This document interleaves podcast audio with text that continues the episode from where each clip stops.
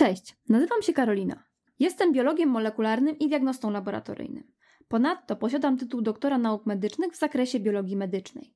W pracy naukowej zawsze interesowały mnie mechanizmy molekularne powstawania różnych chorób, ponieważ moim zdaniem jest to klucz do ich zapobiegania, a także punkt wyjścia do opracowywania skutecznych terapii.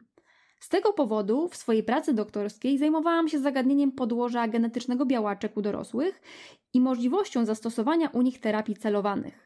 Od kiedy pamiętam, borykałam się z wieloma przewlekłymi chorobami i objawami. Stąd też od wielu lat, chcąc zgłębić przyczynę swojej dolegliwości, kompletnie wsiąkłam dietetykę, immunologię i medycynę stylu życia.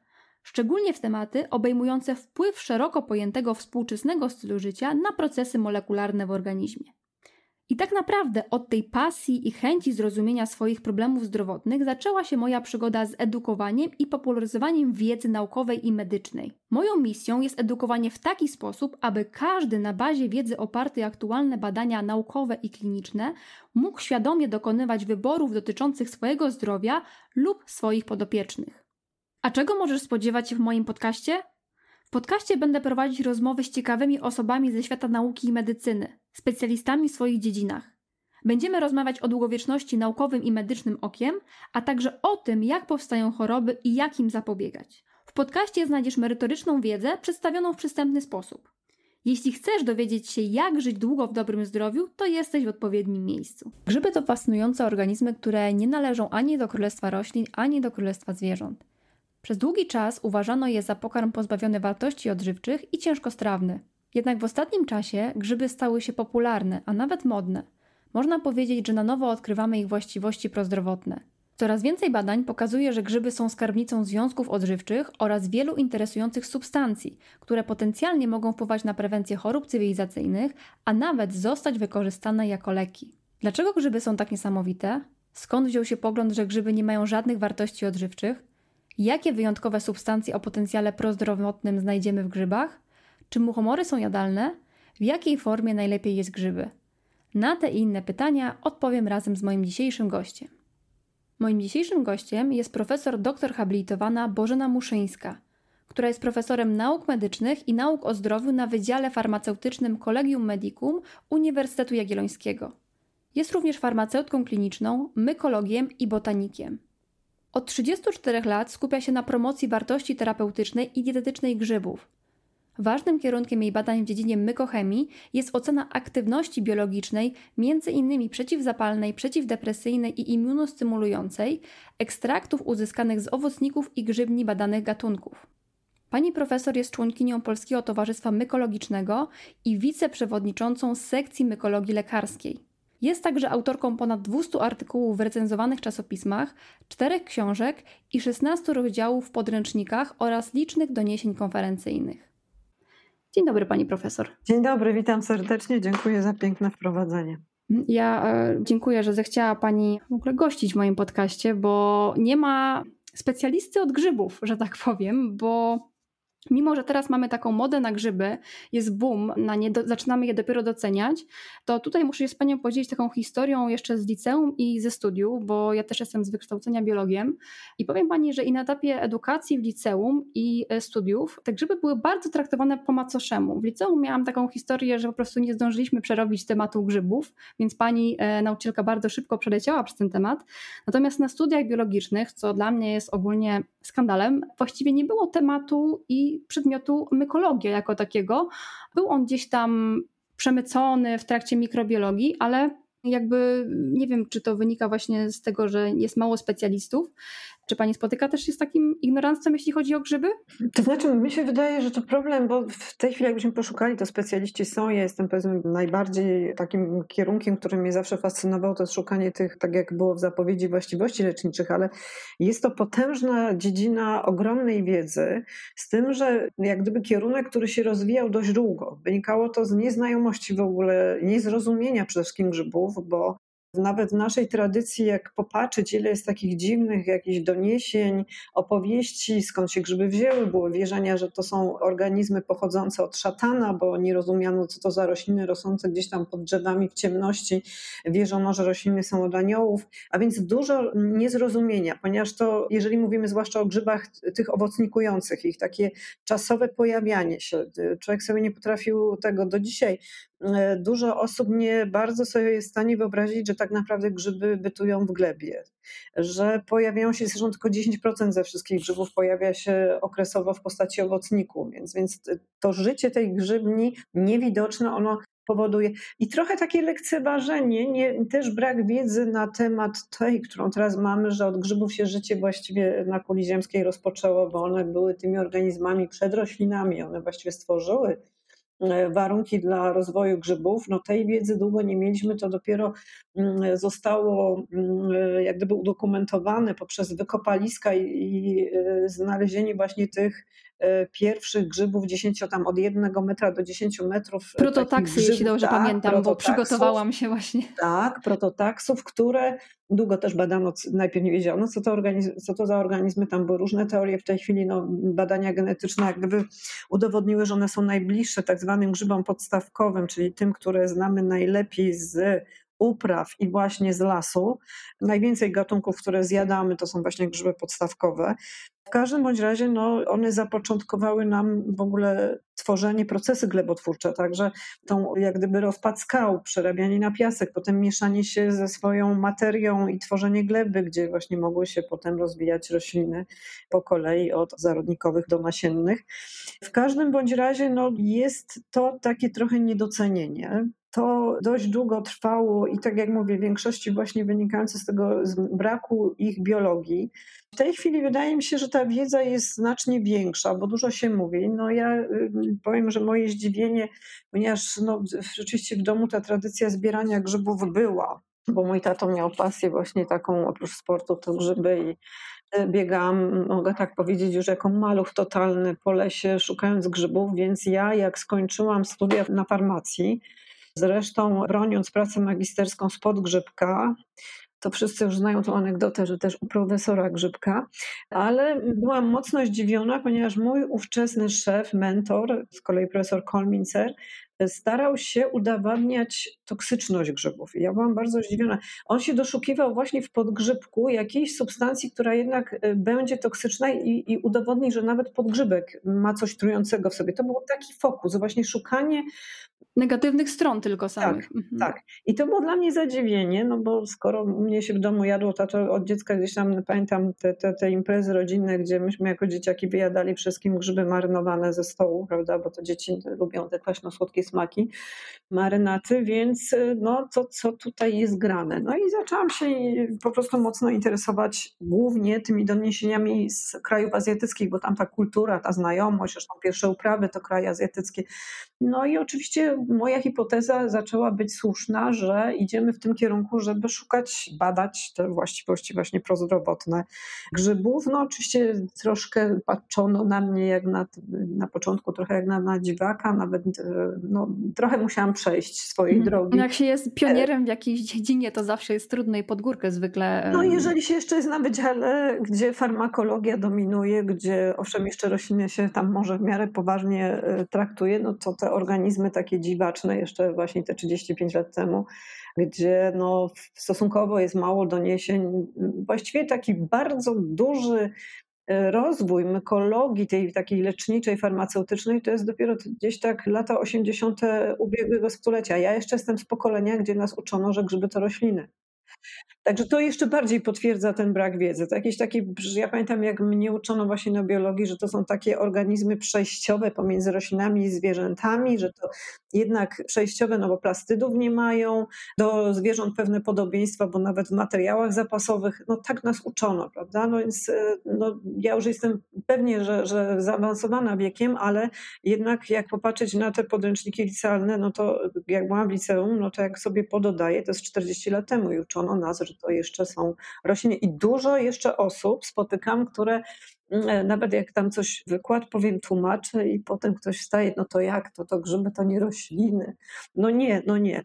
No więc to jest rzeczywiście nauka, która, która się rozwija. Powiem tak, że są uniwersytety na świecie, na przykład we Francji jest tak na wydziałach farmaceutycznych, że tam mykologia farmaceutyczna to jest rok studiowania. To jest rok, rok, przedmiot trwa rok. Więc to jest bardzo różnie. No Francuzi oczywiście mają też swoje tradycje, bo przecież to u nich się rozpoczęła uprawa pieczarki, którą teraz Polska stoi, bo jesteśmy największym producentem, ale to właśnie Francja już od średniowiecza próbowano tam na nawozie końskim uprawiać pieczarki. No, 1707 rok to jest wprowadzenie już takich poważnych upraw. Zresztą pieczarka to jest mushroom de Paris, prawda, paryski grzyb. Ale rzeczywiście Francuzi się do tego przyczynili. Oczywiście no, no w starożytności te uprawy już pierwsze były, ale to w krajach azjatyckich. Także. To jest ciekawe w ogóle, bo w Polsce mówi się, że grzybiarstwo to jest sport zawodowy Polaków, bo Polacy lubią grzyby zbierać i tutaj mamy o tyle fajnie, że bo w innych krajach trzeba mieć pozwolenia z tego co ja wiem, chyba w Norwegii, tak? Czy, czy we znaczy, Włoszech? W Norwegii, znaczy no są kraje rzeczywiście takie, które są mykofilami. No my jesteśmy mykofilami, y, kraje wschodnie są mykofilami, Czesi na przykład, Niemcy. Natomiast no, Norwegia to raczej tam rzeczywiście są potężne uprawy grzybów. Problem wielu krajów jest taki, że nie da się zbierać grzybów, bo lasy są prywatne. No, tak jak na przykład w Wielkiej Brytanii. Lasy prywatne, więc nie można wejść.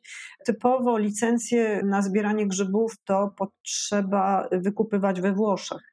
I dodatkowo tam są ograniczone w ilości zbioru grzybów jednorazowej. Tam, tam są to dość ostre mandaty, także nie trzeba mieć licencję.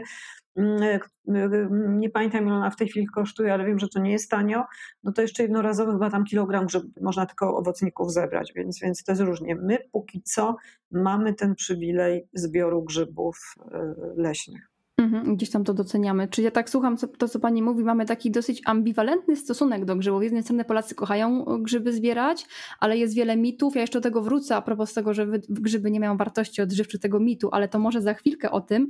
Jeszcze chciałam w ogóle powiedzieć, porozmawiać o grzybach jako o takich właśnie organizmach o e, różnych obliczach, bo one właśnie budzą te różne emocje, bo one są i pasożytami, znamy grzyby chorobotwórcze, mamy grzyby jadalne, trujące, lecznicze, mamy też grzyby mięsożerne, bo oglądałam Pani wykład i mówiła Pani o takich grzybach mięsożernych. Mogła Pani troszkę powiedzieć o tych takich różnych obliczach grzybów, takich ciekawych? Właśnie tak one się odżywiają, jak żyją. Mhm.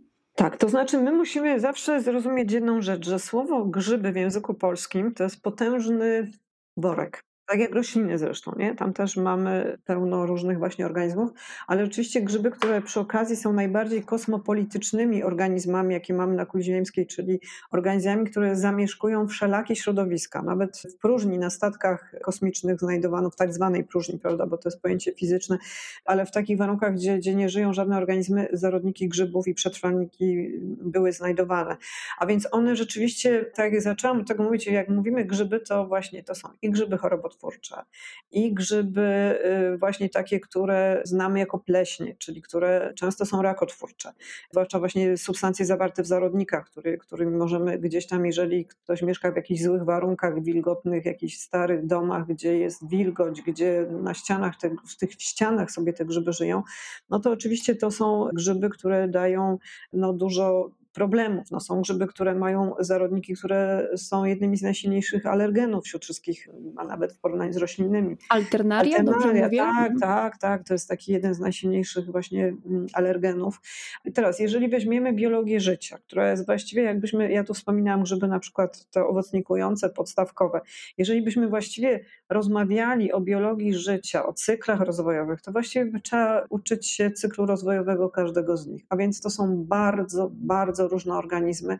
Sam fakt nawet, że te osoby, które zbierają grzyby w lesie, y, są takimi grzybiarzami, którzy mają jakieś tam doświadczenia, którzy znają się też na drzewostanie, bo grzybiarz, który chce zbierać grzyby, musi znać trochę gleby i też drzewostan, to wiedzą, że dany gatunek jest y, zasiedla bądź jest tak jak na przykład, no bo to są też pasożyty drzew, ale też są, większość jest takich, które pozwalają drzewom w ogóle, no zresztą lasów byśmy nie mieli, gdyby nie grzyby, a więc być w tej właśnie tak zwanej symbiozie, ale to są ścisłe powiązania. Są takie grzyby, które mają tylko to powiązanie z jednym gatunkiem. A więc tu jest potężna różnorodność. Pani profesor, a możemy wytłumaczyć, czym jest symbioza? Bo może nie każdy słuchacz będzie wiedział, co to jest, a myślę, że to jest ważny aspekt, jeśli chodzi o w ogóle funkcjonowanie grzybów, bo przecież niektóre grzyby, opieńka miodowa, która zresztą jest grzybem jadalnym oczywiście, e, pewnie pani potwierdzi, tak, mają tak. jedną z największych grzybni na świecie, dobrze mówię? Tak, tak, to wszystko się zgadza. Tutaj pani jest świetnie przygotowana, bo rzeczywiście mamy taki największy organizm na świecie, przy okazji najstarszy, jak e, właśnie opieńka oregońska, to jest aż 886 hektarów grzybni, więc rzeczywiście to jest ten, ten największy gatunek w tej chwili znany, bo ja myślę, że, że pewnie jeszcze nie odkryto wszystkich, no ale oni się tak najbardziej spektakularnie nam się udało PCR-em potwierdzić właśnie genetycznie, że to jest jeden osobnik, a więc y, rzeczywiście tu znowu grzyby są tymi naj. Mm, ale co to jest symbioza? No, jeżeli bym miała to mówić tak z punktu widzenia ściśle ekologicznego, to jest po prostu współzależność, współżycie y, gatunków ze sobą. I teraz ta symbioza może być pozytywna i negatywna. Nas uczono w szkole, że symbioza jak gdyby z rozdania. To jest coś, co jest e, pozytywne i tak właściwie większość z nas ma mm, zakodowane, więc dlatego przepraszam tutaj ekologów, że, że będę tym torem szła. W każdym razie rzeczywiście symbioza to jest takie powiązanie, że oba współdziałające, czy więcej niż dwa organizmy, ale w każdym razie pozostające są w tych stosunkach, e, po prostu dają sobie korzyści. I tak jak powiedziałam, że nie byłoby lasów, bo w tej chwili wiemy, że 100% roślin jest w symbiozach, właśnie w tych zależnościach z grzybami. Z tym, że tutaj ta symbioza jest albo można powiedzieć widoczna gołym okiem, albo niewidoczna, bo większość roślin, roślin tak zwane zielne, żyją w symbiozie z grzybami takimi mm, maleńkimi, mikroskopijnymi, które są, występują właśnie w glebie i nigdy nam się nie pokazują w formie ich nie zawiązują. Natomiast rośliny drzewiaste, obojętnie czy liściaste, czy iglaste, one właśnie y, tą symbiozę mają przeważnie z grzybami z y, właśnie y, albo podstawkowymi, albo workowymi, które zawiązują owocniki, a więc właśnie to są te grzyby, które możemy od czasu do czasu ich grzybnie w postaci tak zwanego owocnika zobaczyć, często zebrać. To jest około 10% wszystkich grzybów. A więc to, co nam się tak pierwsze w głowie kojarzy właśnie z tymi grzybami, kapeluszem i nóżką, to jest bardzo niewiele. to jeszcze właściwie takie odniesienie, o którym też lubię mówić, że w angielskim trochę języku jest lepszy porządek, bo to nasze grzyby to jest fungi, a mushroom to są te, które kojarzymy właśnie jako te głównie jadalne, te występujące właśnie na listach grzybów leczniczych, czy właśnie te uprawowe. Ale wrócę do tego lasu. No, mm, jeżeli sobie zwizualizujemy las, przypomnijmy sobie ten fajny zapach lasu, to ten zapach lasu to jest zapach pochodzący od właśnie przeróbki tlenowej przez grzyby ściółki. Gleby leśne są mało urodzajne, mało bogate w sole mineralne, są kwaśne i gdyby grzyby nie przerabiały liści martwych zwierząt właśnie na związki nieorganiczne, rozpuszczalne w wodzie, no to rośliny by nie mogły egzystować, no bo wiadomo, że ta materia nierozłożona organiczna Nie byłoby jest... takiego recyklingu, można powiedzieć. No właśnie, tego obiegu, a więc tutaj po to te grzyby są potrzebne. One są właśnie wszędzie w glebach i wszędzie, bo też trzeba zrozumieć, że grzyby, o których mówię, działają w ten sposób, że one enzymy, które rozkładają tą materię e, organiczną, one je wydzielają na zewnątrz swojego organizmu. I te enzymy właśnie działając w środowisku powodują rozkładanie. No grzyb, y, po co on to robi? Bo to, to, to też nie jest tak, że on do końca tylko dla roślin ten proces przeprowadza, one też muszą jeść. One rozkładają sobie tą materię organiczną i potem na zasadzie osmozy, czyli takiego procesu znanego w biologii, na zasadzie różnic stężeń, po prostu te składniki pokarmowe też y, pochłaniają. To jest trochę podobna zasada do pająka. Pająk też jak rozkłada na pajęczynie owady, to przecież na pajęczynie są enzymy, oczywiście na określonych nitkach tylko. I potem, gdy ten owad pod wpływem enzymów ulega rozkładowi, no to pająk sobie ma specjalny żołądek, wysysa, prawda, wchłania to wszystko. No my potem myślimy, że tam dalej ta mucha siedzi, a to już jest tylko hitynowy oskórek, no bo, bo to, już, to już jest wystany owad. Zresztą ta, ta, a czy są grzyby mięsożerne, takie, które aktywnie polują, dobrze mówię? Tak, tak. A mogę Pani znaczy, więcej powiedzieć? Tak, to są bardzo ciekawe gatunki grzybów. Tutaj mm, zawsze na pierwsze miejsce to takie skojarzenie z ofiokordycepsami, czyli grzybami, które wręcz żyją nawet przez jakiś czas na żywych owadach, ale o co tu chodzi? Grzyby polują, bo nawet boczniaki polują, te boczniaki, które znamy ze sklepów, ponieważ no, też potrzebują azotu.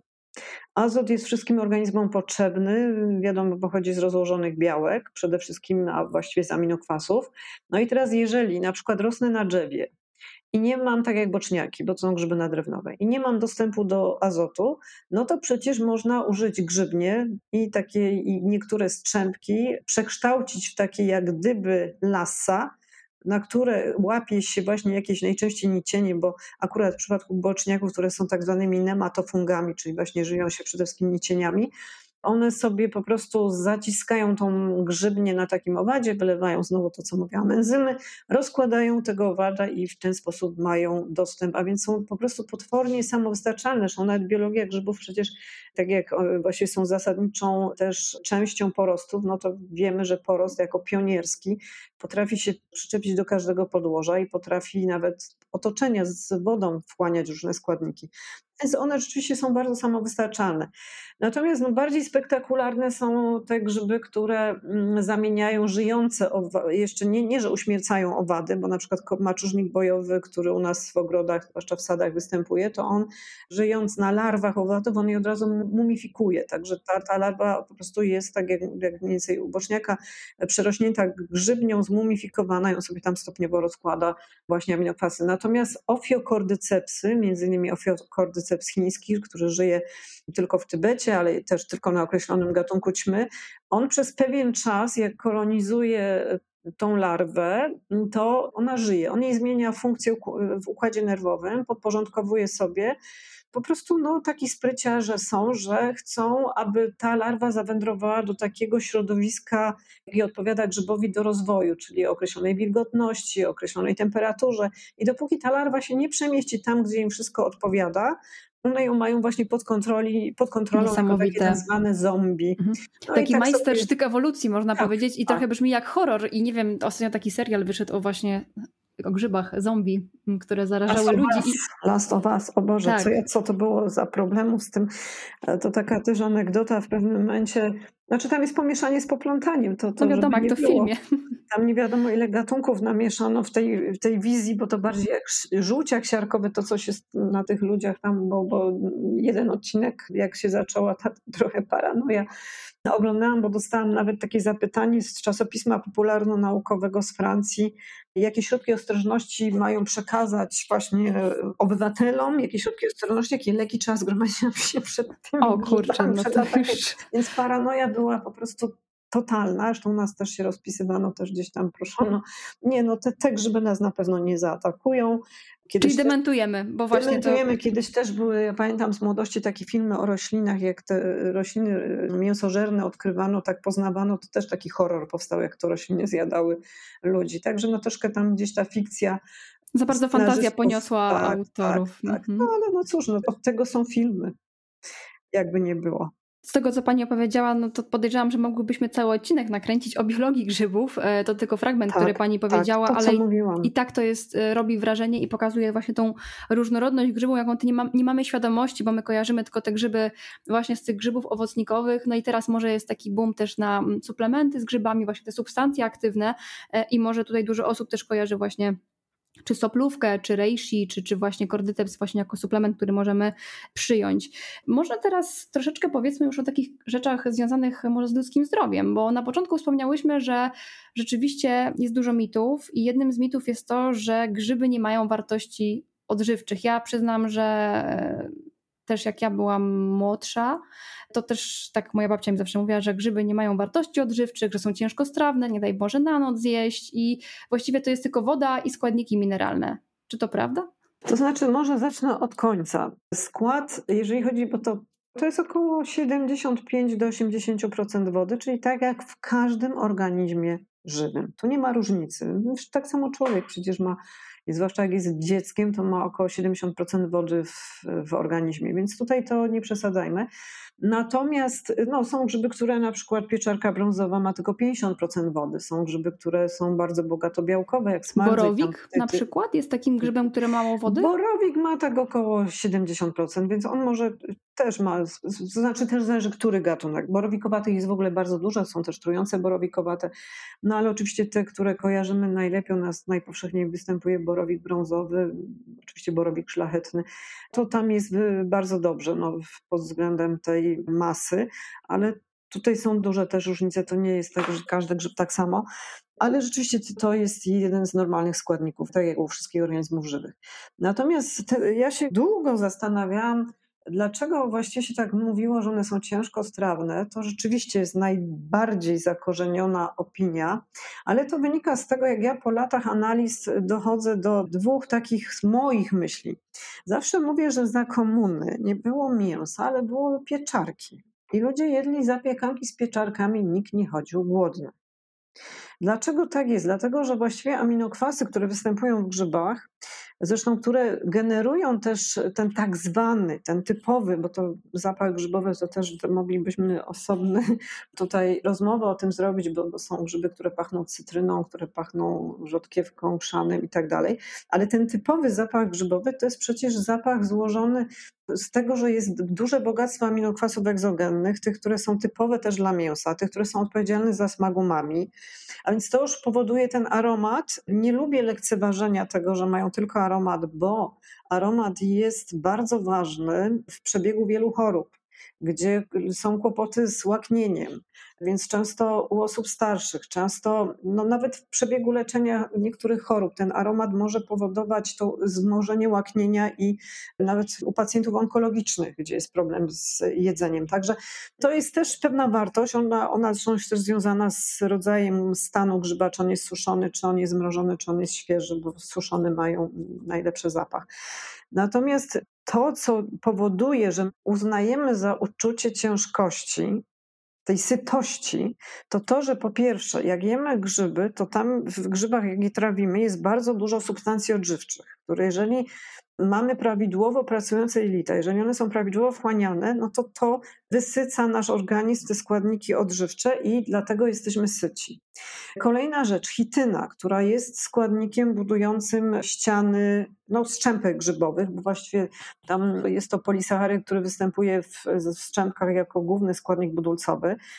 I jej się właściwie przypisywano i tłumaczono już potem te właściwości ciężkostrawne, bo to jest błonnik pokarmowy. My praktycznie się mówi, że nie trawimy chityny, co też nie jest prawdą, ale nasza mikrobiota trawi Właśnie, ten błonnik. Mikrobiota się hityną żywi. I teraz, żeby mieć tą mikrobiotę zadowoloną i żeby ona chciała nam dla tych jelit odpowiednio pracować, czyli dbać o te nasze jelita, o to, żeby one były szczelne, nie przepuszczały toksyn, żeby było prawidłowe wchłanianie, to my jej pokarm musimy dostarczać. Mało tego, ta mikrobiota też tą chitynę mm, przekształca w proste związki, w proste kwasy organiczne, które mają działanie przeciwzapalne dla jelit. To jest niesamowicie ważne, dlatego w kontekście tłumaczenia w tej chwili me, wielu mechanizmów działania grzybów w profilaktyce różnych chorób, to działanie pomiędzy tak zwaną osią jelita, mózg, jelita, cały organizm jest niesamowicie ważne. I jeszcze co ważne, chityna mm, w organizmie, w jelitach łatwo ulega acetylacji, to takich pochodnych, które nazywają się fitozany. I te fitozany mają jeszcze jedną bardzo ważną, one, one łatwo wiążą na przykład metale ciężkie, toksyny, a więc odtruwają e, organizm, a więc znowu remediacja. I co jeszcze?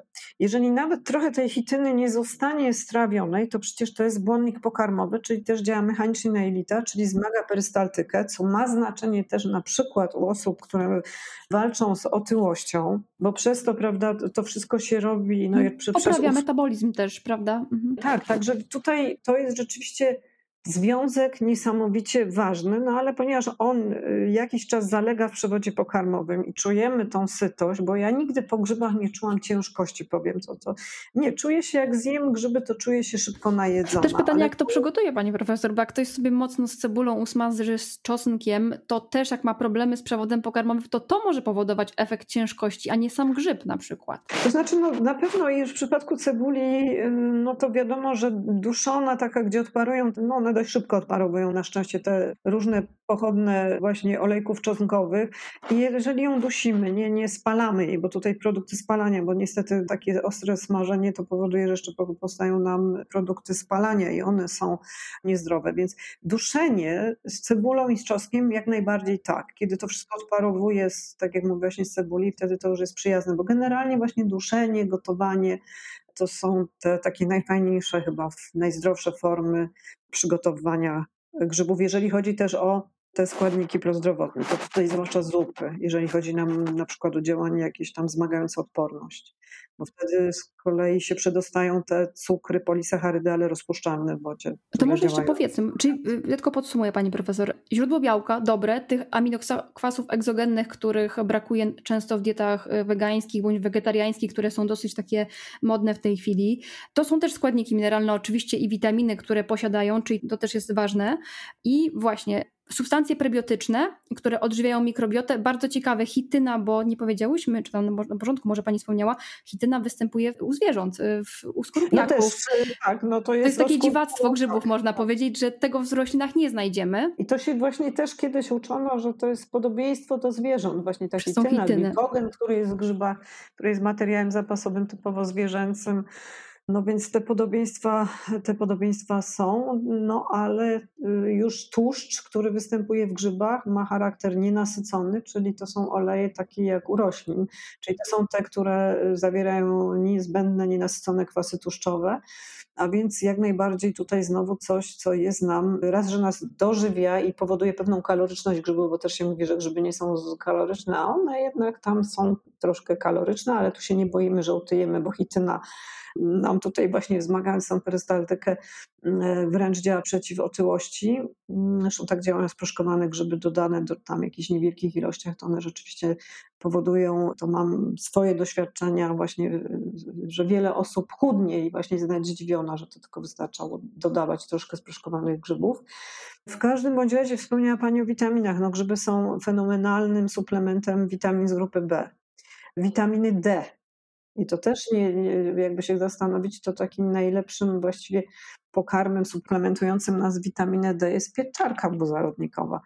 W grzybach jest potężna ilość steroli, ergosterolu, czyli prekursorów. Amerykanie robili dużo takich badań, że dodatkowo naświetlali w uprawach pieczarki i wtedy już dochodziło do takich zawartości witaminy D3, że groziło, y, y, jakby ktoś za dużo konsumował, nawet przy dawkowaniu tej Czyli witaminy. trochę tak u tych grzybów jak u ludzi, że u nas się w skórze pod wpływem promieniowania wytwarzają i u grzybów jest to samo pod wpływem... To samo. Tak, tak, pod wpływem światła, no to jest tak jak u, takie zabezpieczenie, prawda, przed y, nadmiernym promieniowaniem. Kolejna cecha, która ze zwierzętami można powiedzieć się łączy, bo no, to też jest takie zaskakujące. No jest, jest, jest dużo, no bo właściwie jak jeszcze się na fizjologię, metabolizm grzybów patrzeć, to jest więcej odniesień do świata grzybów niż roślin. To zdecydowanie tak. Mhm. To zdecydowanie Fascynujące. Tak. Właśnie tak myślę, że chyba powinniśmy bardziej, tak teraz myślę, nazywać grzyby zwierzętami, a nie roślinami.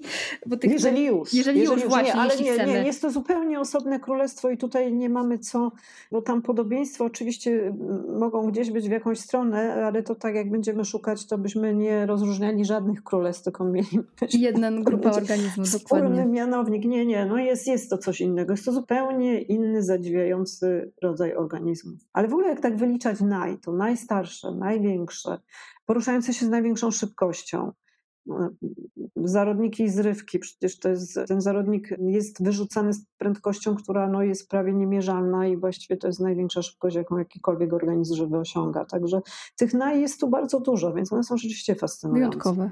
No właśnie i wy, zawierają też wyjątkowe substancje, bo tam powiedzmy białka, witaminy, hityna też znajduje się w owadach, można powiedzieć.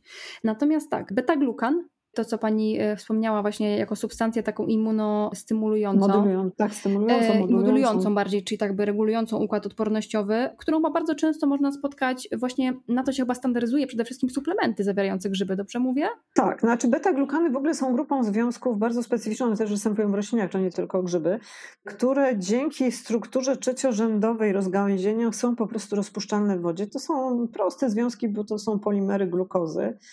I rzeczywiście te związki wpływają na aktywację układu immunologicznego bardzo często, często zależy od dawkowania. One występują wewnątrz y, strzępek, też właśnie w tej macierzy strzępek jako substancje rozpuszczone. Natomiast jeżeli standaryzujemy preparaty grzybowe, suplementy na beta-glukany, to to muszą być właśnie takie preparaty, gdzie no, są te beta-glukany ekstrahowane. Czyli to już nie jest ekstrakt z całego grzyba, bo te polisacharydy się ekstrahuje bardzo specyficznie w gorącej wodzie przez długotrwałe wygotowywanie, potem przez tam zagęszczanie, wytrącanie alkoholem i tak dalej. I potem e, taki roztwór jest w buteleczce, zażywamy go tam w zależności od stanu określoną ilość, tak jak producent zaleca. I wtedy jest ważne, żeby producent no, określił zawartość tego beta-glukanu. Ale jeżeli już na przykład byśmy mieli jakąś, na przykład taki gatunek, był wspominany przez panią soplówka jeżowata, czy inny gatunek soplówki, to, bo są jeszcze znakomitsze w sensie smakowym, na przykład soplówka koralowa i tak dalej, to ja się zawsze oblizuję, jak o niej mówię, bo to jest taki gatunek, który jest wręcz podawany w potrawach, w restauracjach jako surowy grzyb, bo ona ma taki kapitalny orzechowy zapach, jest z tego przepiękna, bo wygląda jak koralowiec, stąd soplówka koralowa, inaczej bukowa, ale w każdym razie, jeżeli będziemy mieć sproszkowaną soplówkę, no to tam największy sens ma podawanie, standaryzacja na erinacyny, tam jest cała taka frakcja terpenoidów, które z kolei w organizmie aktywują glikoproteiny, które są przede wszystkim w ośrodkowym układzie nerwowym w mózgu, ale też na obwodzie. Tak, związki, które powodują regenerację neuronów. Długo uważano, że neurony się nie regenerują. Otóż to nie neurony się nie regenerują, tylko z wiekiem nam spada ilość właśnie glikoprotein w układzie nerwowym, które są odpowiedzialne za wymuszanie tej regeneracji. I teraz właśnie dlaczego okazało się, że soplówka ma związki, zresztą dlatego jest w tej chwili tak bardzo popularna, ma związki, zresztą jeszcze niedawno, chyba pół roku temu, miligram erinacyny kosztował 25 tysięcy złotych, bo nie było jeszcze takiej procedury chemicznej, mykochemicznej, tej ekstrakcji, żeby ją otrzymać. Teraz już ta cena spadła, bo wiele firm się tym zajęło, no bo zapotrzebowanie jest ogromne. No bo przecież grzyb, który działa w profilaktyce chorób neurodegeneracyjnych, no to jest coś. To jest właściwie w tej chwili, jeżeli chodzi o surowce naturalne, taki numer jeden. Ogromny potencjał. Chodzi, no, ogromny mhm. potencjał, ogromny. Na szczęście jest w uprawach, na szczęście są już potężne gospodarstwa w Polsce. W domu można sobie wyhodować, chociaż przyznam, że próbowałam i mi nie wyszło. Chyba nie, chyba nie, to nie, właśnie to nie. Ja teraz się nie chcę narazić. Dobrze. E, firmom, które sprzedają te różnego rodzaju baloty, te kostki do upraw, i mówią, że proszę sobie tam wziąć tą kostkę, włożyć do piwnicy i tam czy boczniaki, czy to nie jest takie zero-jedynkowe, dlatego że te grzyby wymagają jednak specjalnej temperatury, wilgotności. To muszą być też pomieszczenia, w których jest światło. Mi nie wyrosły te, te soplówki, ale powiem, że boczniaki mi pięknie wyrosły. Nawet pan, któremu pokazywałam, który mi to sprzedał, był pod wrażeniem, bo urosły bardzo bujnie. Coś im pasowało po prostu. Coś im pasowało, to, mhm. tak, tak, tak. To z grzybami to tak jest, że czasem im pasuje i wyrosną. Fajnie jak jeszcze rzutowały, że to nie był tylko jeden zbiór, ale drugi trzeci. Nie wiem jak to tam się u pani odbywało, ale rzeczywiście no, jak miały jakąś wilgotność, trochę światła i dobrą temperaturę, bo w czasie tego całego uprawiania temperatura się powinna zmieniać bo w ogóle samo owocnikowanie zaczyna się pod wpływem stresu, którym najczęściej jest temperatura. No w tej chwili w lasach mamy grzyby, w dużych ilościach, bo są zimne noce, ciepłe dni. I to, i to nie, nie jest ilość wody tutaj ważna, tylko właśnie ten stres, ta różnica temperatury. Ja też wystawiłam je, to było w zimie i to, że jeden pan mi to mhm. polecił, wystawiłam je na balkon i ruszyły. Czyli, czyli był ten no właśnie, stresor, czyli, co pani czyli mówi. stres, mhm. temperatura, tak. No. W uprawach albo się właśnie, różne się formy stresowania grzybów z tych, tych uprawowych. Baloty na przykład Chińczycy obijają pałkami nawet bo ucisk, takie uderzenie, ucisk mechaniczny, grzybni, takie, mm -hmm. taki mechaniczny. Zresztą jest takie tradycyjne polskie powiedzenie, że tam, gdzie wozy jeżdżą, tam rosną grzyby. Także najwięcej grzybów zbierano tam, gdzie wozy drabiniaste jeździły, konie tupały. I fakt, że, że ja bardzo lubię zbierać e, grzyby na takich ścieżkach, gdzie trakach, gdzie jeszcze ciągle są szlaki końskie. Bo tam, gdzie konie biegają, to przy ścieżkach się grzyby znajdują. No bo ciekawe, te wibracje takie są mhm, tak, w glebie. Tak, i to jest ten stres. No. Mhm. E, A to bardzo metody... ciekawe jest, nie, nie wiedziałam w ogóle o tym. Myślę, że, że słuchacze również. No to tutaj nawet też, tak jak pani powiedziała o tym mrozie, no to w uprawach się wręcz też czasami czasami po prostu stosuje zanurzanie w zimnej wodzie, żeby spowodować ten stres grzybni w balocie, żeby te owocniki powstały. Czyli konkluzja jest taka, że nie jest takie prosto wyhodować grzyby, są takie kapryśne dosyć, jeśli chodzi o warunki środowiska. To znaczy są rzeczywiście gatunki, które, no boczniaki są chyba jednymi z takich prostszych gatunków w uprawie. One są rzeczywiście, bo najprościej się w ogóle uprawia w warunkach domowych tak zwane grzyby nadrywnowe. Grzyby nadrewnowe to są te, które rosną na jakimkolwiek drewnie, to znaczy albo martwym, albo żywym, to wszystko to nawet tutaj chuby się też zaliczają. Przecież ten, w tym balocie do uprawy boczniaków są trociny głównie. To są najczęściej trociny bukowe, no i to właśnie to jest ten ich podstawowy substrat do rozkładu. No to jest też fajne, bo te uprawy, no jak widzimy, gałęzie z drzew, które są obcinane, które są na trociny przerabiane. Potem oczywiście tam są jeszcze dodatki w tym podłożu. To nie jest takie znowu też, że tylko trociny, ale to jest ten podstawowy czynnik. Także tu też jest takie, znowu jak mówimy o jakimś cyklu biologicznym, no to wykorzystuje się właściwie odpady. Bo soplówkę na przykład też są osoby, które uprawiają na fusach od kawy. O, to, to... No, to znaczy fusotkawy są tym głównym, takie właśnie gdzieś tam z kawiarni, gdzie, gdzie, gdzie tego się przecież tony wyrzuca, no to ktoś tam wymyślił, żeby właśnie te fusy i świetnie y, tutaj widziałam takie soplówki na fusach od kawy, świetnie kapitalnie wyrośnięte owocniki, także tutaj ten takie to właśnie wykorzystanie odpadu tego, tego wartościowego jeszcze ciągle. No mhm, Dla grzybów też, przynajmniej, też, one sobie z tego no, jeszcze zrobią użytek. Mhm. Właśnie jeszcze wrócę do boczniaków, bo to są chyba grzyby, które po pieczarkach w Polsce chyba są najbardziej popularne, jeśli mówimy mówimy o zakup w sklepie. Nie mówię o grzybach leśnych, które możemy zebrać tylko takie z upraw. E, a propos takich ciekawych substancji, to boczniaki zawierają statyny, tak? Czyli takie odpowiedniki leków, które stosujemy w leczeniu miażdżycy. Tak, w leczeniu farmakologicznym miażdżycy stosuje się statyny, ale pochodzenia syntetycznego.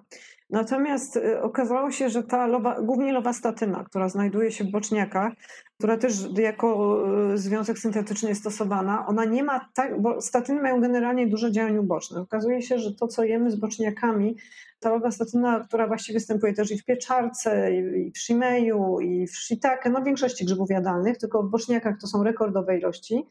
Ta lowastatyna rzeczywiście działa przeciwmiażdżycowo, zresztą w Niemczech robiono takie badania kliniczne, to nie są już badania na takie przedkliniczne, tylko kliniczne, gdzie pacjentom z hipercholesterolemią podawano odwary wodne zawierające 250 gramów boczniaków, boczniaka ostrygowatego i u tych osób po miesiącu stwierdzano parametry fizjologiczne, także rzeczywiście te odwary z boczniaków zawierające w ogóle statynę mają takie działanie. Tutaj rekordzistą, znowu, jeżeli możemy mówić, bo w sklepach mamy już boczniaki cytrynowe, mikołajkowe, czy to e, dystrybuowane pod nazwą borowik kaukaski albo stepowy, bo coś tam nie szło w sklepach, więc marketingowo mm -hmm, sieci e, nazwały go, bo on jakiś młody owocnik to troszkę przypomina borowika, więc tak dystrybuowany. No ja z przykrością czasem patrzę, że te grzyby leżą, nie, nie ma zainteresowania, ale najlepszy, najsmaczniejszy, ale z pewną wadą, zaraz o niej powiem, jest boczniak różowy.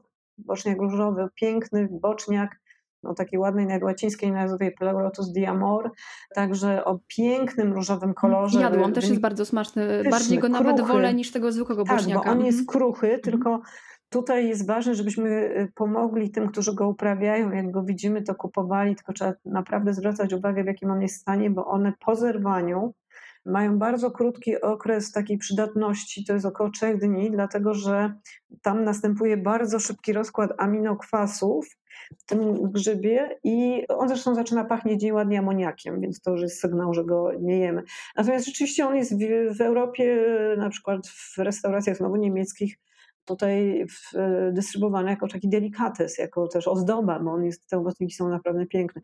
Boczniak cytrynowy, też kruchy, też bardzo, właściwie takich podstawowych boczniaków, które są w uprawach, to jest 60 gatunków. Mhm. Mamy, znamy tego Polsce takiego mamy kilka. Szarego, no, tak, właściwie... nie, czy pospolity, jak on się nazywa botanicznie? E, ostrygowaty. Ostrygowaty, tak. Ostrygowaty. Mm -hmm. Ostrygowaty to jest ten, co go najlepiej znamy. On ma troszkę z tych wszystkich boczniaków najbardziej taką można powiedzieć troszkę, zresztą ja z niego lubię robić e, flaczki, dlatego że jak się go potnie wzdłuż, to on ma taką konsystencję troszkę jak mm-hmm, flaki. Mm-hmm. to coś, co wymieniłam. Natomiast no rzeczywiście dodając przyprawę, jak się potnie tak wzdłuż blaszek, zresztą te, te moje, e, kiedyś tam o tych boczniakach powiedziałem, to się zrobiła taka w wielu miejscach już właściwie kultowa potrawa, wymieniana, no bo przecież e, flaczki to są przyprawy, to jest majerany, gałka muszkatułowa, imbir, mm-hmm. imbir no i warzywa posiekane.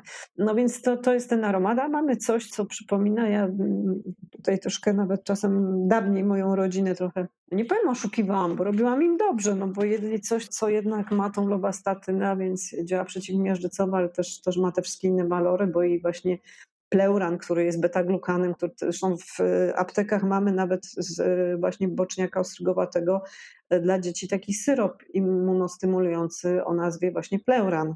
Więc to jest bardzo znany też taki Czyli to jest beta-glukan, o którym mówiliśmy, ale który występuje właśnie w boczniakach, to co, to, co pani... Mhm, mhm. Tak, bo te beta-glukany, one się między sobą trochę różnią właśnie tą strukturą trzeciorzędową.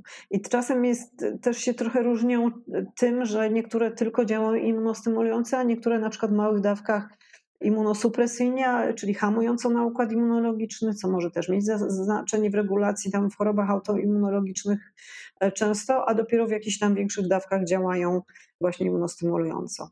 No, boczniaki to też tak jak większość grzybów, jak pieczarka, e, która jest tutaj znowu lepsza, to skarbnica ergotioneiny. To jest kolejny taki związek, Właśnie chciałam który... o to pani profesor zapytać teraz, czyta mi pani w myślach. To jest niesamowity składnik. Powiedzmy o tym coś więcej, bo ona jest nazywana nawet czasami witaminą młodości czy długowieczności. Nie wiem, to taki bardzo kolokwialne podejście, bo ona podobno stymuluje też szlaki długowieczności, e, ale to jest taki bardzo ciekawy składnik, który właściwie chyba nie występuje nigdzie indziej poza grzybami. Dobrze mówię? Występuje. Też występuje. występuje. To jest w ogóle bardzo prosty związek. Pochodna tak chemicznie nie ma znaczenia, ale to, to jest prosty związek. Pochodna histydyny, taki niskocząsteczkowy, można wręcz powiedzieć, oczywiście organiczny. O niej się zrobiło głośno, gdy badano kiełki. I tutaj głównie lucerne, bo wtedy właśnie takie sfokusowanie się na ich znaczenie w diecie wynikało właśnie z znalezienia w kiełkach lucerny właśnie ergotioneiny. No i to decydowało o tym, że kiełki właśnie zbóż niejednokrotnie to właśnie są jej źródłem i, i że są tak ważne w diecie. Okazało się, że właśnie no, wymieniłam tu boczniaki, ale wymieniłam też pieczarkę, ona jest, ergotyna jest też w grzybach leśnych, że ten związek, który słusznie pani powiedziała, że to jest właściwie witamina, bo to jest rzeczywiście związek, który zwierzęta, a jak się okazuje, to w tej chwili tam miałem różne doświadczenia, że to nie tylko te zwierzęta, znaczy ogólnie zwierzęta, bo kiedyś wydawało mi się, że tylko ssaki, okazało się, że nie tylko ssaki, że ją magazynują w swoich organizmach jako taką naturalną tarczę antyoksydacyjną przeciw utleniaczom. I na przykład człowiek, bo przejdźmy do człowieka, ten związek przede wszystkim, bo nie potrafimy go wyprodukować w organizmie, ale go musimy mieć, więc musimy go dostarczać z pożywieniem. Magazynujemy go przede wszystkim w oku, w wątrobie, w sercu, w nerkach, nawet w spermie, więc tam y, wszędzie, gdzie mamy przede wszystkim, no tak jak serce, czyli takie właśnie narządy narażone, przepływowe, prawda, gdzie, gdzie dużo krwi przepływa, ale też narażone najbardziej na jakieś właśnie zmiany wynikające z rozpoczęcia utleniania, więc Czyli ten stres oksidacyjny potem... można powiedzieć, czyli trzeba neutralizować nadmiar tych wolnych rodników. Tak, mhm. żeby się nie rozwinęły nie tylko właśnie te, te procesy utleniania, ale też potem wynikające z tego stany dalej, stany zapalne, początki jakichś ścieżek nawet właśnie rozwoju chorób nowotworowych. Więc rzeczywiście jest to związek z diety bardzo, bardzo potrzebny i tutaj no, grzyby mają znacznie więcej niż kiełki właśnie tej ergotyny. Czasami nawet jak robimy badania bo to staramy się oznaczać właściwie jak, jakikolwiek nowy gatunek, to takie te najważniejsze związki oznaczać, wśród nich jest właśnie ergotioneina. Ona rzeczywiście w grzybach występuje. Z tym, że pieczarka zwłaszcza pieczarka brązowa jest takim no, rewelacyjnym źródłem. Mhm. A na Potem przykład borowik i boczniak? Też mają, mhm. też mają. Właśnie patrzyłam na statystyki różne w publikacjach, one są bardzo różne, bo to pewnie zależy od regionu. Ja też czytałam, że to zawartość ergotioneiny zależy od y, jej zawartości w glebie i na przykład w glebach, które są... Znaczy od prekursorów. Od, od prekursorów. Od, mhm. bo, bo ergotioneiny w glebie nie ma jako takiej, to jest synteza już w danym organizmie. Więc tutaj od prekursorów, od szlaków metabolicznych, to akurat gleby mamy, to znaczy Grzyby uprawowe są w miarę standardowych warunkach otrzymywane. Tak samo jak oczywiście grzybnie się też pozyskuje, z, powiem tak może prosto z upraw e, takich w szkle, no nie laboratoryjnych, bo biotechnologicznych i wtedy w ogóle mamy pełną kontrolę nad składem. Natomiast grzyby leśne to nie jest tak, że one e, będą się diametralnie różnić, ale już warunki glebowe, zresztą oczywiście określone grzyby rosną na określonych glebach, bo to nie jest tak, że borowik rośnie na każdym rodzaju gleby. Są grzyby, które ruderalne, takie, które rosną nawet na bapiennych, takich byle jakich glebach, a więc to jest duża też rozpiętość. No i w zależności od tego, co w tej glebie do końca, że tak powiem, aczkolwiek, tak jak mówię, to też nie jest w 100% tak, że możemy mówić, że y, borowik z północy będzie miał coś innego niż borowik z południa. Trochę tak jest, ale generalnie dany grzyb rośnie na określonym rodzaju gleby. Żeby może to prościej powiedzieć, na przykład taki ciekawy gatunek jadalny jak czasznica, to są takie purchawki, purchawki właśnie chciałam powiedzieć. olbrzymia, -hmm. które po kilka kilogramów ważą, to one rośnie na glebach beznadziejnych, takich wapiennych, gdzie nawet nikt by nie przypuszczał, żeby do takiego lasu wchodzić. I ona mimo tego produkuje te różne składniki. No kiedyś to był grzyb przecież farmakopealny, produkuje antybiotyki, produkuje wiele związków właśnie leczniczych. Także jest zmienność, ale no nie jest to tak, że jeżeli jest jakiś składnik typowy dla grzyba, bo to też no, powiedzmy jest ten wspólny mianownik, czyli w każdym gatunku będzie hityna, w każdym gatunku będą polisacharydy, witaminy z grupy B, ale też każdy gatunek, tak jak rośliny lecznicze, z tych gatunków leczniczych grzybów prozdrowotnych ma coś swojego, coś charakterystycznego. Tak, erinacyna właśnie dla soplówki, o której tutaj mówiłyśmy. Kordycepina dla maczużnika bojowego, też związek, który w tej chwili w ogóle maczużnik bojowy to jest gatunek, który no, jest zadziwiający, jeżeli chodzi o wszechstronność działań leczniczych. I zawartość substancji bioaktywnych, bo tak jak same działanie kordycepiny, bo to oczywiście dużo się mówi o działaniu tym ergogenicznym, przeciwzmęczeniowym, takim to jest właściwie ATP. W tej chwili wiemy, że właściwie jest to substancja o działaniu przeciwnowotworowym. Już leki są w tej chwili w fazie końcowej wchodzenia na rynek, właśnie zawierające taką kordycepinę e, która o, ma naprawdę? działać przeciw... Nawet nie wiedziałam. Tak, tak, tak, tak, tak I to w tak, Polsce to też, są... czy w innych krajach? Produkt no, jest w ogóle zastrzeżony patentowo, bo tam, jeżeli chodzi o ten już lek hamujący angiogenezę. Czyli tworzenie nowych naczyń krwionośnych tak, w nowotworze. Które, które mhm. dożywiają y, nowotwory, więc wiadomo, że to jest jeden z mechanizmów działania przeciwnowotworowego, czyli tam, gdzie jest typowy lity guz, gdzie ten guz sobie kradnie naczynia krwionośne no, po to, że, że właśnie chce więcej składników odżywczych dla siebie, no to właśnie takie działanie ma sens. Samą kordycepiną firma farmaceutyczna miała taki problem, że ona jest dość krótko we, we krwi się utrzymuje, więc szukano tylko metody znalezienia takiego nośnika, który to działanie będzie przedłużał. I to się udało i w tej chwili już po prostu jest wielka nadzieja. To, co jest ważne, że ten lek nie będzie miał działań ubocznych. Znaczy praktycznie nie ma działań ubocznych dla typowych leków z tej grupy. No to jest niesamowite. No to nie wiedziałam, gdzieś tam, gdzieś tam w szoku jestem, że to już na takim etapie jest, bo rzeczywiście gdzieś tam w takim środowisku medycznym istnieje takie przekonanie, że te grzyby no są, to są głównie suplementy, medycyna chińska, a, a tu widzę, że już coraz więcej tych badań to jest taka kwestia czasu, gdzie te różne substancje będą już na tyle przebadane, że będzie można je stosować w konkretnych schorzeniach.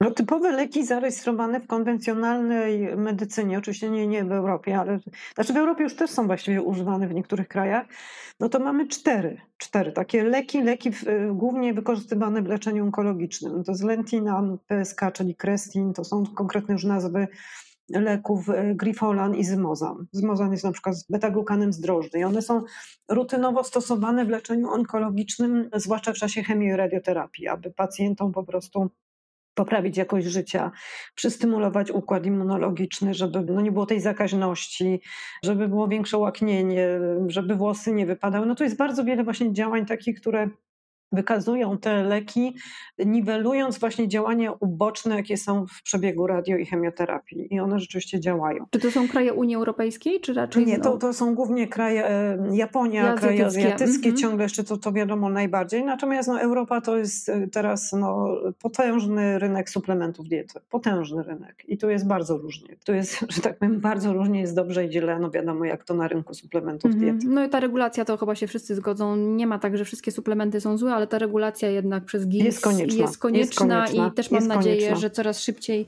gdzieś do tego dojdziemy, bo no, to jest potężny rynek. Ja też mam jakby kontakt z tym rynkiem suplementów i widzę czasami, co się dzieje. To jest po prostu e, przerażające. E, pani profesor, czy są zalecenia, bo mamy te tak zwane piramidy żywieniowe, wiemy ile mamy jeść warzyw i owoców, tam się o grzybach w ogóle nie mówi i że, że też o grzybach nie mówi w oficjalnych wytycznych, ale czy istnieją gdzieś na świecie oficjalne wytyczne ile powinniśmy tych grzybów jeść, żeby miały one właściwości prozdrowotne? Więc tu są przeróżne badania kliniczne. W ogóle bardzo takie fajne badania, które trwały aż 15 lat, miały miejsce w Stanach Zjednoczonych, gdzie wyosobniono grupę ludzi, którzy systematycznie jedzą grzyby. I badano tą grupę przez 15 lat. To jest dość długo. I okazało się, że u tych ludzi nie obserwowano przypadków depresji. To, co w tych badaniach wykazano, to tak naprawdę wykazano, że nie ma takiego ścisłego przełożenia na dawkę, tylko na codzienne zjadanie, systematyczne. W tej chwili się mówi, że 1-2 gramy sproszkowanych grzybów dorzuconych do, nie wiem, kawy, jajecznicy, jogurtu, zupy czy czegokolwiek, jeżeli nie mamy czasu przygotować potraw. Natomiast no, są też badania kliniczne, bo raczej na takich się musimy opierać, gdzie Japończycy z kolei właśnie jeżeli chodzi o takie działanie, i tu też oni nie wybierali jak gdyby gatunku grzyba, tylko jadalne, te tak zwane właśnie z grupy leczniczych podawano i wskazali, że po 40 trzeba zjadać, żeby układ nerwowy, żeby zabezpieczyć organizm przed chorami neurodegeneracyjnymi, a więc to też rzeczywiście na pewno możemy mieć na myśli soplówkę, ale to nie tylko chodziło o soplówkę, też reishi, różne gatunki, maczurnik i tak dalej, 300 do 400 gramów. Świeżych po przetworzeniu. I wrócę do tego, co mówiłam o boczniakach, gdzie też robiono badania kliniczne z, u hipercholesterolemików, czyli ludzi z miażdżycą, też tam używano 250 gramów do stworzenia tej zupki, takiego odwaru, prawda? No więc gdzieś te, te ilości są. No oczywiście ja w swojej diecie staram się mieć no przynajmniej mm, prawie codziennie coś z grzybami jest. Super, zaczynam super, od kawy to... z mhm. grzybami.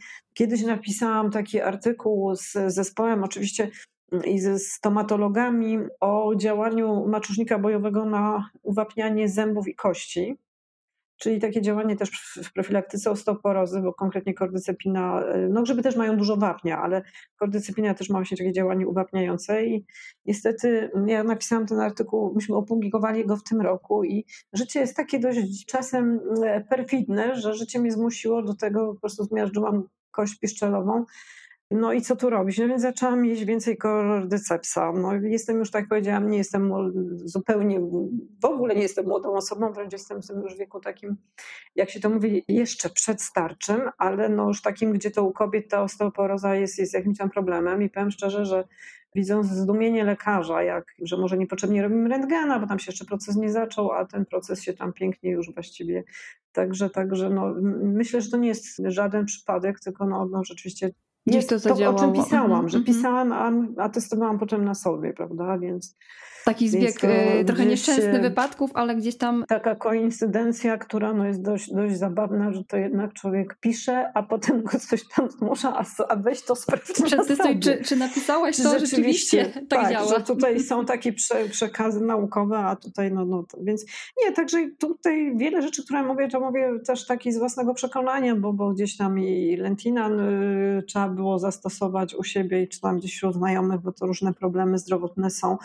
Więc oczywiście te grzyby należy docenić. No, tak jak mówię, po prostu je jeść systematycznie. To, co rzeczywiście chyba Japończycy, bo ja będę dalej właśnie tym naukowcom japońskim najbardziej wierzyć, bo przecież to jest jedna z naj, jeżeli chodzi o wyspiarze, jedna z najzdrowszych diet. Oczywiście tam dochodzą jeszcze algi, też moje ukochane organizmy, dochodzą ryby, wiadomo, które są bardzo potrzebne też w diecie, więc rzeczywiście zdrowa dieta, no przecież w Japonii praktycznie u wyspiarzy nie stwierdza się chorób nowotworowych, więc to też nam o czymś mówi.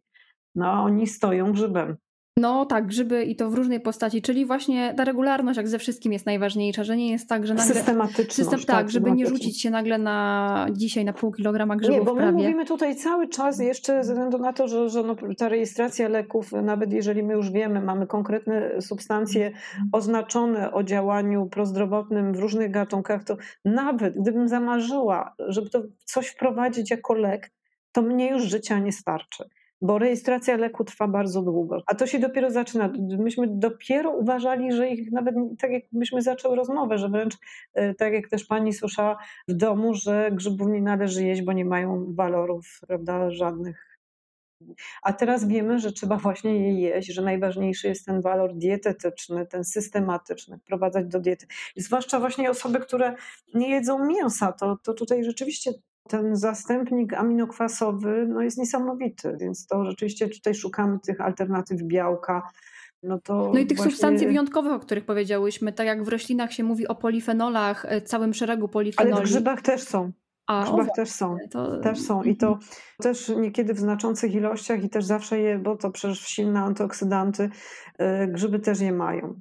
To są, tak jak już wymieniałam, sterole, które są przecież przeciwnowotworowe. Terpenoidy to jest taka też ciekawa grupa związków, która właśnie w ganodermie, kwas ganodermowy, które występują bardzo silne przeciwnowotworowe, też przeciwstarzeniowe, przecież ganoderma reishi to jest z kolei ten jeżeli właśnie Japończycy mają twardnika, czyli shiitake, to Chińczycy właśnie reishi, czyli ganodermę, zwaną grzybem wiecznego życia. No i to właśnie kiedyś zastrzeżone tylko dla cesarzy. Trudny grzyb w uprawach, żeby te piękne owocniki uzyskać. Ja pamiętam, jak pierwszy raz w życiu wzięłam ganodermę do ręki, to byłam w szoku, bo się zastanawiałam, czy mi ktoś nie zrobił psikusa, czy mi nie dał do ręki kawałku plastiku bo on ma taki ten owocnik konsystencję, mm -hmm, to ona nie jest twardość, to jest po prostu konsystencja. Plastiku. Ona się jeszcze błyszczy do tego, no bo um, Ganoderma lucidum, czyli lakownica lśniąca i to rzeczywiście się ma wrażenie, że to jest plastik. A tyle w tym właściwości leczniczych, no też, też ma takie tonizujące, uspokajające działanie, też usposabiające do snu. Kosmetologia, no, też przecież w tej chwili grzybami stoi, no właśnie te działanie przeciwstarzeniowe no ale to te, także te polifenole, te pochodne kwasów, przede wszystkim fenolowych, no właśnie związki fenolowe jak najbardziej tak, one występują. I bardzo ciekawa grupa związków, związana z całym moim życiem naukowym, tymi 35 latami, od których zaczęłam i których nie zdradzam, to są związki indolowe. A więc przede wszystkim tryptofan to jest aminokwas, wiadomo, ale jego 5 pochodne. HTP, prawda? Bo jeszcze o tym nie powiedziałyśmy. 5 mhm. hydroksytryptofan. Nieprawdopodobna substancja, wiele suplementów w tej chwili na świecie. No jest taka roślina Griffonia simicifilicolia, to jest roślina z rodziny bobowatych, z której nasion się właśnie pozyskuje 5-HTP jako prekursor serotonini. To są leki przeciw stosowane w profilaktyce depresji, stosowane w terapii migren, a w grzybach, no właśnie tutaj znowu wspomnę boczniaka różowego. To jest rekordzista, jeżeli chodzi o zawartość 5-hydroksytryptofanu. Kiedyś myślałam, że to tylko związki indolowe nam, oczywiście w grzybach występuje też serotonina, melatonina, tylko że to są związki, które z obwodu nie przechodzą do środkowego układu nerwowego. Ale tak myślę, a, właśnie... a, może one będą chodziły w interakcję z mikrobiotą, bo na przykład z GABA tak jest, które też nie przechodzi przez barierę krew-mózg, ale ta interakcja z układem nerwowym też zachodzi na poziomie mikrobioty, więc nawet może te substancje typu właśnie serotonina czy melatonina mogą wchodzić w interakcję z mikrobiotą. Znaczy są antyoksydantami, to są też przede wszystkim antyoksydanty. Tylko mnie chodzi w tej chwili o to działanie poprawiające kondycję naszego samopoczucia. Właśnie bardzo dużo ludzi, którzy systematycznie stosują, żeby też mówię o poprawie nastroju, więc, więc to jest ten 5-hydroksytryptofan, który przechodzi przez barierę krew-mózg i jest bezpośrednim prekursorem serotoniny w mózgu. I to, to jest to. Ja tylko tłumaczę, że owszem, serotoninę warto jeść, czy melatoninę, tylko musimy pamiętać, że one nam nie przejdą do środkowego układu nerwowego. One będą to, o czym Pani mówi, działać na obwodzie, czyli w obrębie jelit, w obrębie właśnie jako bardzo silne antyoksydanty, ale no na pewno nie sposobią nas mhm. do snu, czy tam poprawią nastrój. To 5-HTP to tryptofan, bo te związki przechodzą i są prekursory. I tu możemy oszukiwać organizm. Właśnie, e, że to jednak prekursory gdzieś tam możemy zwiększać w ośrodkowym układzie nerwowym.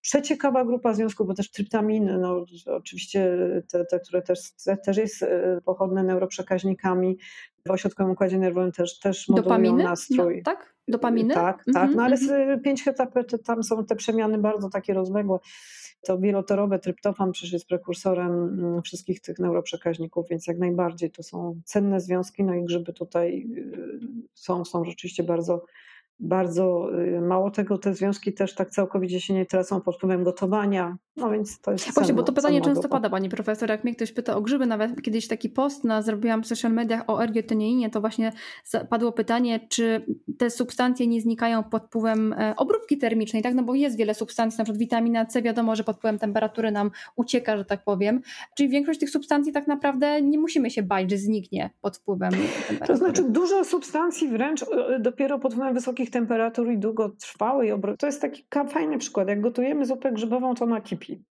tak się mówi modnie kipi. Nie trzeba ją pilnować, mieszać.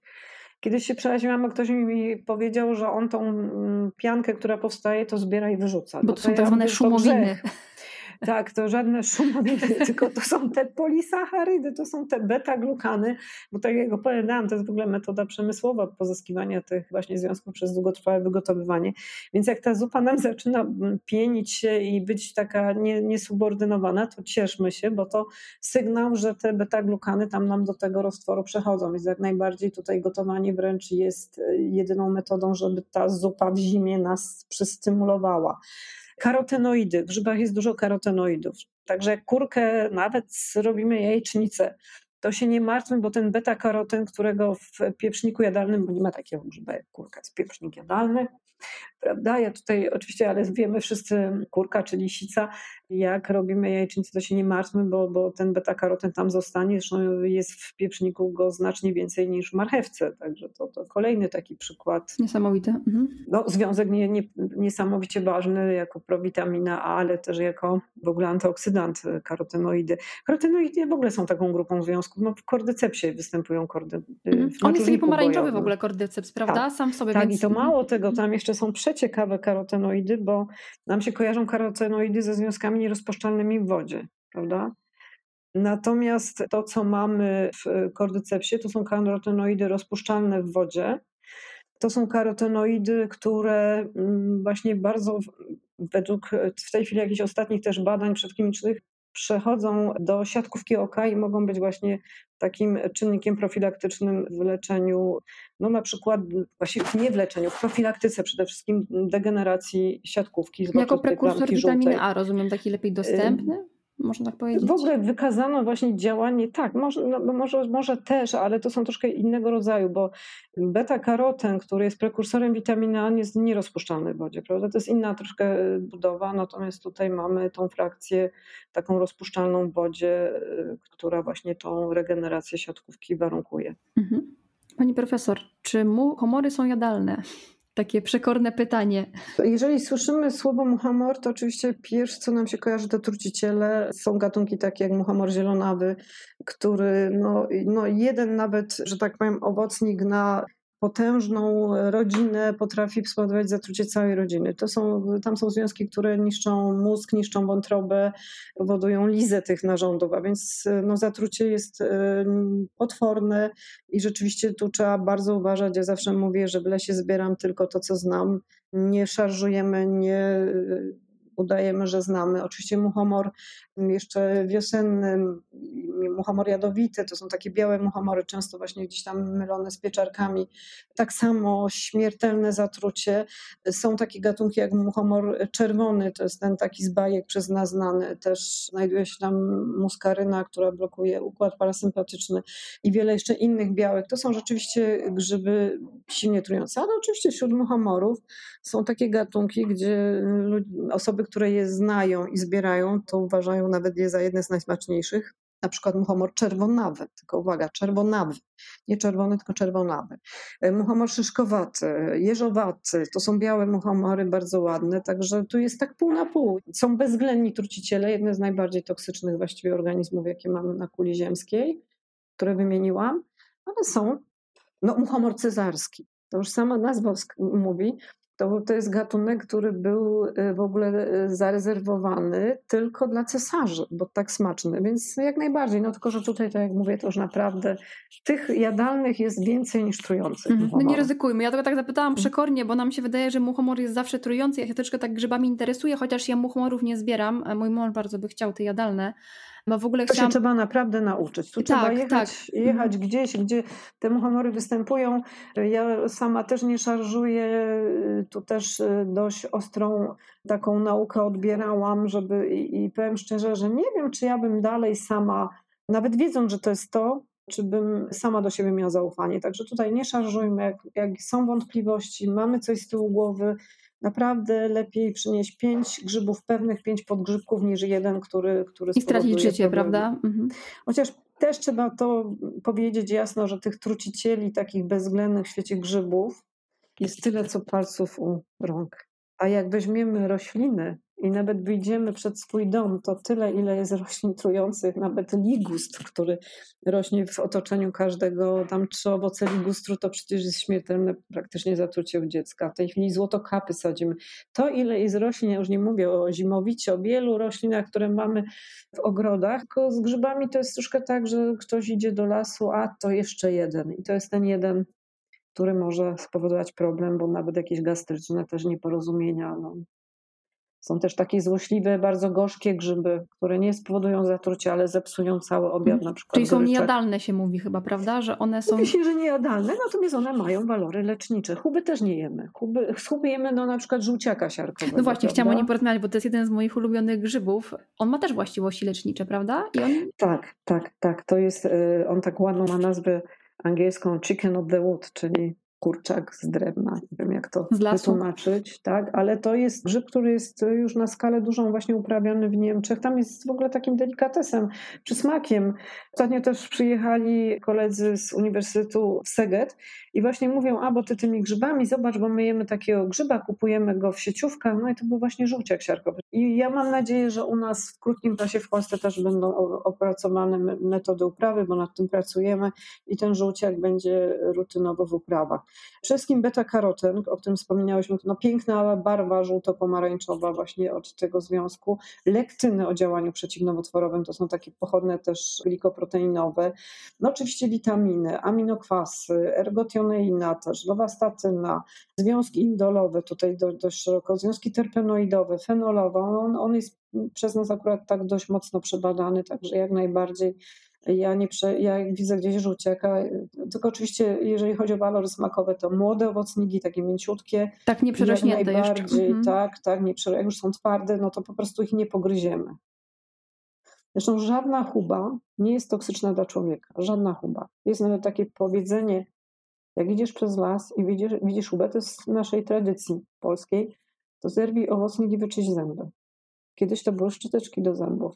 Tekstura powodowała właśnie czyszczenie zębów, natomiast związki, teraz to wiemy, związki polifenolowe, których jest dużo w chubach, działały przeciwzapalnie na dziąsło. No właśnie, Więc... to te, te, wykorzystanie grzybów gdzieś tam w tej med... No teraz się robi już pasty do zębów właśnie z grzybów, no między innymi z reishi. A to też ciekawe. Tak, sama też stosowałam gdzieś tam. Jeszcze jest pani profesor taki grzyb, zapomniałam nazwy botanicznej, poznam nazwę ludową, kalafior?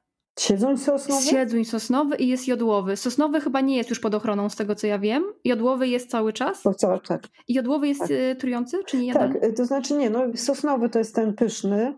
Mhm. No przepyszny, to jest jeden też z moich tak, ulubionych tak, grzybów. Tak, tak, i on jest łatwy w uprawach, także to jest kolejny grzyb, który mam nadzieję, że wejdzie do upraw. Och, to wszystkie super. grzyby takie nadrewnowane są łatwe do upraw, bo one wykorzystują substrat, właśnie drewno to o czym mówiłam, soplówka. Bo soplówki na przykład nie możemy pozyskiwać ze środowiska naturalnego. Bo jest pod ochroną, ona, ona w Polsce ochroną, rośnie, ścisłą, prawda? Ścisłą, tak. Ona u nas rośnie, ale jest pod ścisłą ochroną. Wiele gatunków jest pod ścisłą ochroną. Ale no i rzeczywiście można mandat dostać. Ja do tego podchodzę trochę tak na przykład smarzę też nie wolno ze stanu naturalnego pozyskiwać. To jest troszkę taka przesada, dlatego że grzybnia jest w glebie, także jak my wykręcimy ten owocnik, to tam i tak ta grzybnia zostanie. No ale takie są przepisy, musimy się od tego trzymać. No możemy dostać mandat tak naprawdę, ale duża część grzybów, żółciak siarkowy, jak siedzuń sosnowy. Żółciak siarkowy był do niedawna pod ochroną, teraz już nie. Pozmieniało się, prawda? tak, tak, dużo się zmienia. Kiedyś kur, pieprznika, właśnie kurkę chciano nawet też prowadzić na listę grzybów chronionych, bo był kilka lat, że ona w ogóle się nie pojawiała.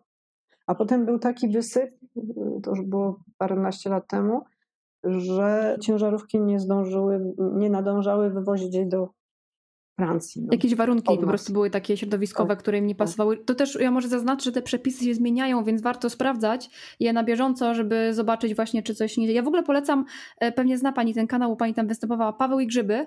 No, Paweł Stasiowski to jest wybitny specjalista. Tak, polecam, też korzystam. Którego, którego się uczę, który, jeżeli chodzi o znajomość gatunków, bo to jest przede wszystkim osoba, którą mogę nazwać systematykiem, czyli rozpoznawaniem. To rzeczywiście to jest, no, bardzo się lubimy, zresztą też się u niego uczyłam. Właśnie to nie tylko, że gdzieś tam u niego w programie coś mówiłam, ale, ale rzeczywiście też korzystam i korzystam cały czas z jego wiedzy, bo rzeczywiście jest to pasjonat ale według mnie to jest człowiek, który, no, jeżeli chodzi o to miano grzyboznawcy, które no, w zasadzie u nas, tak powiem szczerze, ci grzyboznawcy, którzy są no, często to ta wiedza nie jest taka jak. On jest Pawła, praktykiem, więc... on bardzo pokazuje dużo tych grzybów. Praktykiem, I... praktykiem mm -hmm. rzeczywiście no, też współpracuje z naukowcami, bo też y, czasami jak jakieś gatunki chce rozpoznać, to czy zarodniki trzeba oglądać. Także tak robimy tu Pawłowi reklamę, ale to jest człowiek, którego warto, warto, warto o nim mówić. Jeżeli ktoś chce rzeczywiście poznawać grzyby, to od niego się warto. No ja z nim też poznaję grzyby razem z moim mężem. Wiele grzybów, na przykład żółciak siarkowy, to jest właśnie od niego z polecenia. I tak samo lejkowce dente. E, tu tak, lejkowce dente też, też wspaniałe grzyby. Takie trudne do zobaczenia, bo one trochę jak zgniłe liście wyglądają, ale ciężko je z czymś pomylić. One właściwie są nie do pomylenia z żadnym grzybem w Polsce według mnie. No to tak jak żółciak siarkowy, jak się no raz zobaczy, to już, to już to jest gatunek pewny, to jest po prostu no, czasznica. No wiele jest takich gatunków, ale, ale to warto raz zobaczyć i potem zbieramy ale właśnie, żeby to pokazał, zarekomendował ktoś, kto jest rzeczywiście takim znawcą. Tutaj Pawła i grzyby polecamy. nauczyć się nawet parę tych gatunków, podgrzybki, borowiki, te, te, które są zaliczane do tych jadalnych, jak borowik jakiś ma coś czerwonego, ktoś jest niepewny, nie zbierajmy tych gatunków, bo one nie zatrują, ale mogą spowodować, no u osoby wrażliwej mogą prowadzić nawet do zatrucia nam śmiertelnego, ale no mogą jakieś takie gastryczne, więc, więc tutaj wszystko to, co na spokojnie, co znamy, to zbieramy. A jak nie, to to, co z uprawy jest. To, co z uprawy jest. Będzie Dokładnie. grzybów coraz, coraz więcej. więcej. Mhm. Pani profesor, na końcu jeszcze chciałam zapytać, tu już Pani mówiła o różnych grzybach, które Pani lubi, preferuje, formę przetworzenia. Jakie są Pani ulubione grzyby? Jakby miała Pani trzy wymienić i nie byłoby innych grzybów i tylko trzy, takie top w Pani jadłospisie. Cordyceps militaris, czyli maczużnik bojowy, to jest według mnie y, najsmaczniejszy. Pieczarka brązowa, tu będę dalej obstawała, że to jest fantastyczny grzyb i właśnie rzeczywiście bez pieczarki to bym nie umiała. I, chyba, chyba, bo jak mam tylko trzy, to myślę, myślę, myślę, hmm, chyba żółciak siarkowy. Właśnie żółciak siarkowy, bo on jest taki bardzo specyficzny.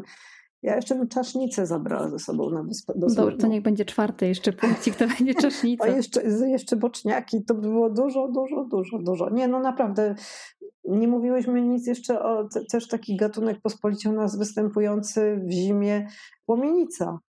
Lamulina velutlipes, kiedyś zimówka aksamitnoczolnowa. Gatunek, no wiele osób nie wie, że grzyby można też w zimę zbierać. No, o, opieńka, o no. właśnie. No. A ludzie, nie wiem z czego to się bierze, pani profesor, niektórzy nie zbierają opieńki, bo chyba kiedyś była taka informacja, że ona jest trująca. Dobrze mówię? Bo ja sporo nie osób wiem. znam takiej starszej daty właśnie, że nie zbiera opieniek. Czy to jest też, mi się wydaje, że tak... A czy w atlasach grzybów było napisane, że zjadać tylko młode owocniki po obgotowaniu? Ale które grzyby właściwie jemy na surowo? Tylko pieczarki właściwie chyba. Tak mi się no wydaje. i y, soplówka koralowa. To jest taki gatunek, okay. który na surowo jest po prostu podawany, jest przepyszny. Ale y, to tak jakbyśmy mówili, no ziemniaki na surowo też nie, nie, nie jemy. No, no bo nam zaszkodzą, więc, więc to taki właśnie, natomiast nie, no ja jestem od opieniek też uzależniony w jakiś sposób, to jest ulubiony gatunek mojego męża, zresztą no, dlatego, że jak występuje to masowo, a jeszcze tutaj no, mówiliśmy o opieńce miodowej, czyli tej oregońskiej, która, która jest tak potężnym, tym, tym największym gatunkiem, ale też mało kto wie, że niektóre grzyby świecą w nocy, wykazują luminescencję i opieńka to jest właśnie jeden z tych gatunków, który widać w nocy i można zbierać w nocy. Podczas I wojny światowej żołnierze listy od ukochanych czytali przy właśnie opieńkach. Bo, bo ich jest dużo, one rosną w takich tak, dużych kupach, tak, więc to tak, musi być tak. niezła, niezła po prostu ilość światła, którą one wy, wy, tak, wytwarzają. Tak. Tak. Niesamowite. Myślę, że mogłybyśmy kolejną godzinę rozmawiać o tych niesamowitych właściwościach grzybów. Ja myślę, że słuchacze dowiedzieli się dużo zaskakujących rzeczy. Ja też, mimo że się interesuję grzybami, jestem zapalonym grzybiarzem, dużo wiedziałam, ale też się sporo dowiedziałam i mnie to zaskoczyło. Pani profesor, ja bardzo dziękuję za super rozmowę, za przystępną formę przekazania informacji, no i przede wszystkim tą pasję, którą widać w Pani, jak Pani mówi o grzybach. Tak, bo to, to rzeczywiście są takie oprócz zwierząt ukochane organizmy. Super, dziękuję bardzo. Dziękuję pięknie, dziękuję. Bardzo dziękuję Ci za wysłuchanie odcinka mojego podcastu. Jeśli podoba Ci się mój podcast lub wiedza w trakcie jego słuchania była dla Ciebie przydatna, będzie mi bardzo miło, jeśli zostawisz swoją opinię. Po więcej bezpłatnej wiedzy zapraszam Cię na mój Instagram i Facebook lub stronę internetową www.doktorkarabin.pl. Mam nadzieję, że do usłyszenia w kolejnym odcinku podcastu.